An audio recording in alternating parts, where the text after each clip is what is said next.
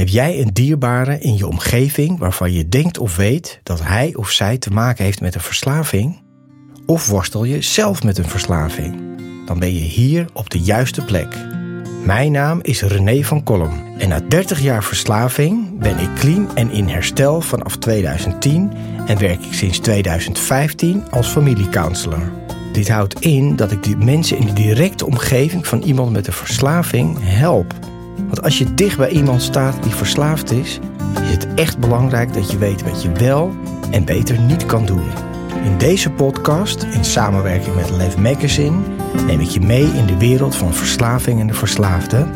En leer ik je met mijn kennis en ervaring hoe jij hiermee om kan gaan, wat herstel is en wat je kan doen om jouw dierbaren te helpen en zelf overeind te blijven.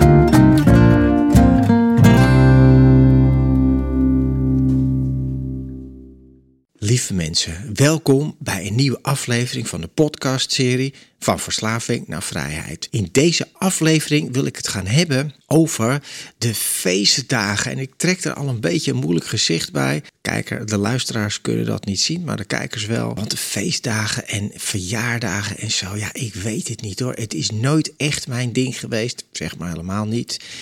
En ik heb er altijd weerstand naar. Ik vind het altijd moeilijk, ingewikkeld, leuk doen met elkaar, gezellig. De lampjes aan, de kaarsjes aan. Nou, kaarsjes branden me eigenlijk altijd wel. Maar zo de feestdagen met elkaar zijn. En dat komt natuurlijk is mijn simpele analyse dat er gewoon heel veel gedoe was altijd in de familie rond de feestdagen. Bij ons thuis, later in andere jaren, ook in jaren dat ik in mijn verslaving zat, is dat, zijn dat eigenlijk de dagen waarin uitvergroot wordt hoe slecht het met mij ging, hoe eenzaam ik was, hoe verdrietig het was, hoe er geen verbinding was met de familie en vrienden. En dat werd eigenlijk heel erg uitvergroot. Nou, ik weet, hè, voor veel mensen is kerstmis en dat soort dagen natuurlijk hartstikke fijn. Maar misschien nog voor net zoveel mensen, of misschien nog wel voor veel meer mensen, is het ook een hele moeilijke periode. Want verdriet komt boven. Je kijkt terug op het afgelopen jaar, wat er goed is gegaan, maar ook wel wat er niet goed is gegaan. Uh, misschien ben je wel iemand verloren. Misschien is er iemand teruggevallen in de verslaving. Zit je nog steeds met jouw kind of je partner in een heel dramatisch, moeilijk verslavingsverhaal. En dan zijn de feestdagen en vooral kerstmis natuurlijk een periode waarin het enorm wordt uitvergroot hoe verdrietig dit eigenlijk is. Nou, en ik kan daar helemaal, ik heb daar volledige herkenning in, mensen. Want voor mij is het ook heel lang zo geweest. En het is eigenlijk, ja, sinds ik in herstel ben en met mijn fantastische vrouw, die een heel groot hart heeft en die weet hoe je wel kerstmis en dat soort dagen kan vieren, is dat veranderd. En het heeft jaren geduurd en het riep altijd een beetje weerstand bij me op, zeg maar, grote weerstand. Ook mijn verjaardag en dat soort dingen. Ik vind het ingewikkeld, leuk doen met mensen erbij. Ja, en ik heb dat ook nooit echt geleerd, want bij thuis bij ons was het gewoon niet zo leuk. Nou, gooi er nog een zootje verslaving, drugs en drama overheen, daar wordt het niet beter van. En ik dacht, dit is een uitzondering, maar het zijn de feestdagen. Ik ga een column aan jullie voorlezen die ik jaren, heb uh, jaren geleden heb geschreven. Die gaan over dit onderwerp. En ik schrijf columns in Lev Magazine, hè, een verslavend magazine, zo wordt het genoemd. Het enige blad in Nederland waar herstelverhalen in staan voor mensen die een verslaving hebben. Supermooie weetjes, ins en outs over de nieuwste ontwikkelingen uh, en kennis op het gebied van verslaving en herstel. Dus kijk dat blad, koop dat blad, abonneer je op dat blad. Ik heb geen aandelen, krijg er geen geld voor. Maar ik ben wel voor het delen van bewustzijn en informatie. En natuurlijk verhalen die hoop, kracht en ervaring delen. Is Lef Magazine. Ik schrijf daar een column voor, ben ik heel dankbaar voor ik het al jaren mag doen. Ze hebben nog steeds geen genoeg van me. Uh, ze organiseren ook de Dag van Herstel. Ook super mooi kom ik nog wel later op terug in een andere aflevering. Maar nu gaat het over de feestdagen, die ik ook wel heb genoemd de beestdagen. Want zijn het wel feestdagen of zijn het heel vaak beestdagen met heel veel eten, heel veel cadeaus, drank, drugs en heel veel ander gedoe? En ik ga het gewoon aan jullie voorlezen. Ik heb hem een tijd geleden geschreven, maar ik herken er heel veel in en misschien jullie ook wel. De feestdagen komen weer aan. Wat gezellig, joh. Nou, zo'n uitspraak is genoeg om bij mij een stevige weerzin en gevoel van onbehagen op te wekken.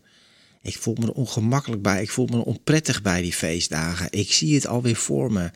hysterische hordes die zoveel mogelijk boodschappen in een karretje proppen, rijen mensen voor de kassa's met opgewonden en haastige blikken, want er moeten nog meer winkels geplunderd worden, om vervolgens in de avond zoveel mogelijk voedsel en drank naar binnen te werken en zodoende een voldaan gevoel, plus ongevraagde cholesterolpiek, te kunnen krijgen. Met volle maag en stuk in de kraag uiteindelijk naar huis met in het achterhoofd een paar losse aantekeningen met goede voornemens voor het nieuwe jaar, die meestal in de eerste week van januari op geheel natuurlijke wijze de geest weer en lichaam weer verlaten. Nee, ik ben geen fan van welke feestdag ook, dan inclusief mijn eigen verjaardag. Feestjes Gezelligheid laat zich niet door een kalender dicteren. En daar komt ook nog eens bij dat het hele gebeuren regelmatig ontaarde, ook bij mij thuis, in een klassiek familiedrama met ruzie, gezeur, gedoe of in het beste geval een hoop valse gezelligheid. Kortom, we praten niet over, we doen maar alsof het allemaal leuk is. Nou, dit gezegd hebben, dan moet ik uiteraard ook naar mijn eigen aandeel kijken in het feestgedruis van de feestdagen. Van nature ben ik geen feestneus, hoewel dat zeker niet aan de grootte van mijn neus ligt. Gangmaker of lolbroek op feestjes en kost het mij moeite om leuk te doen tussen haakjes, zoals mijn lieve vrouw de afgelopen jaren heeft gemerkt. Vanochtend zuchtte ze nog: Ik ga ook een boek schrijven over hoe het is om een partner van een herstellende verslaafde te leven. Say no more.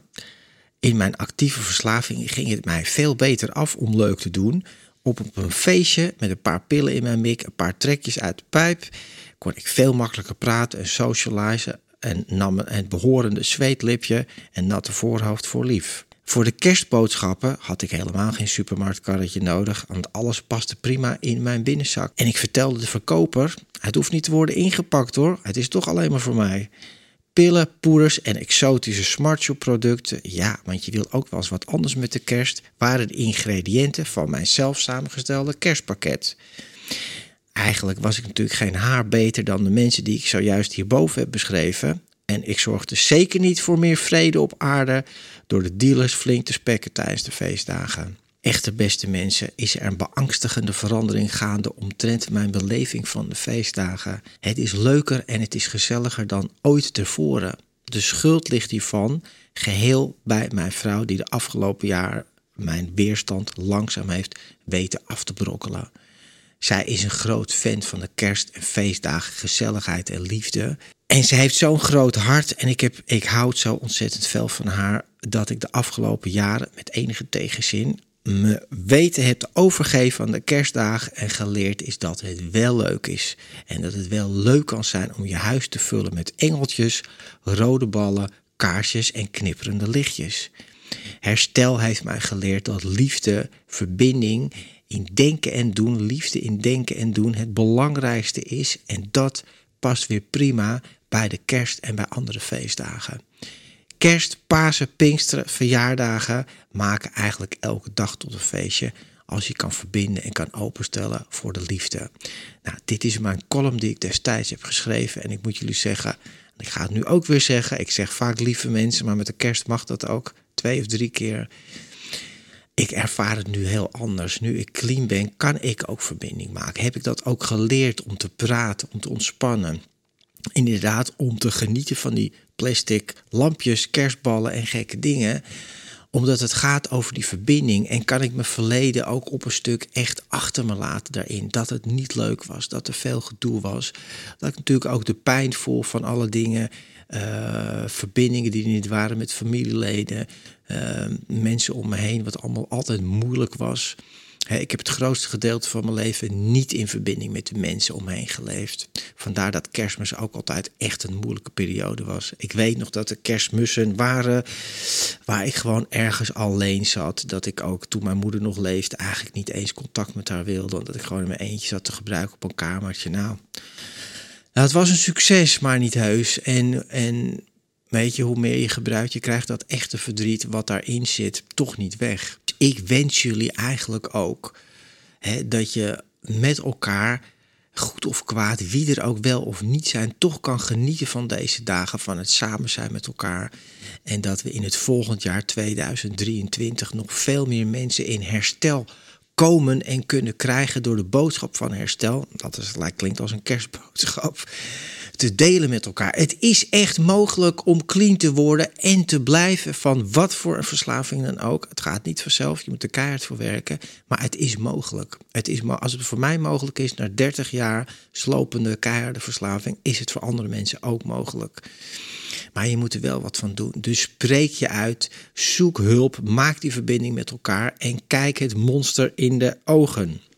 Blijf er niet omheen draaien dus deel ook deze video weer. Deel dit kanaal, uh, lieve mensen, met, voor de kerstmis nog een keer, lieve mensen, uh, met andere mensen die dit probleem ook kennen en hebben, met families. Abonneer je, like dit, zodat het wordt verspreid over het internet. Want dat is mijn kerstboodschap voor het volgend jaar. Dat er nog veel meer mensen, veel meer families, partners wel het geluk mogen vinden. Zoals ik dat nu gevonden heb met mijn vrouw dat ik mijn zoon weer zie, die ik tien jaar niet heb gezien, die ik nu alweer vijf jaar zie.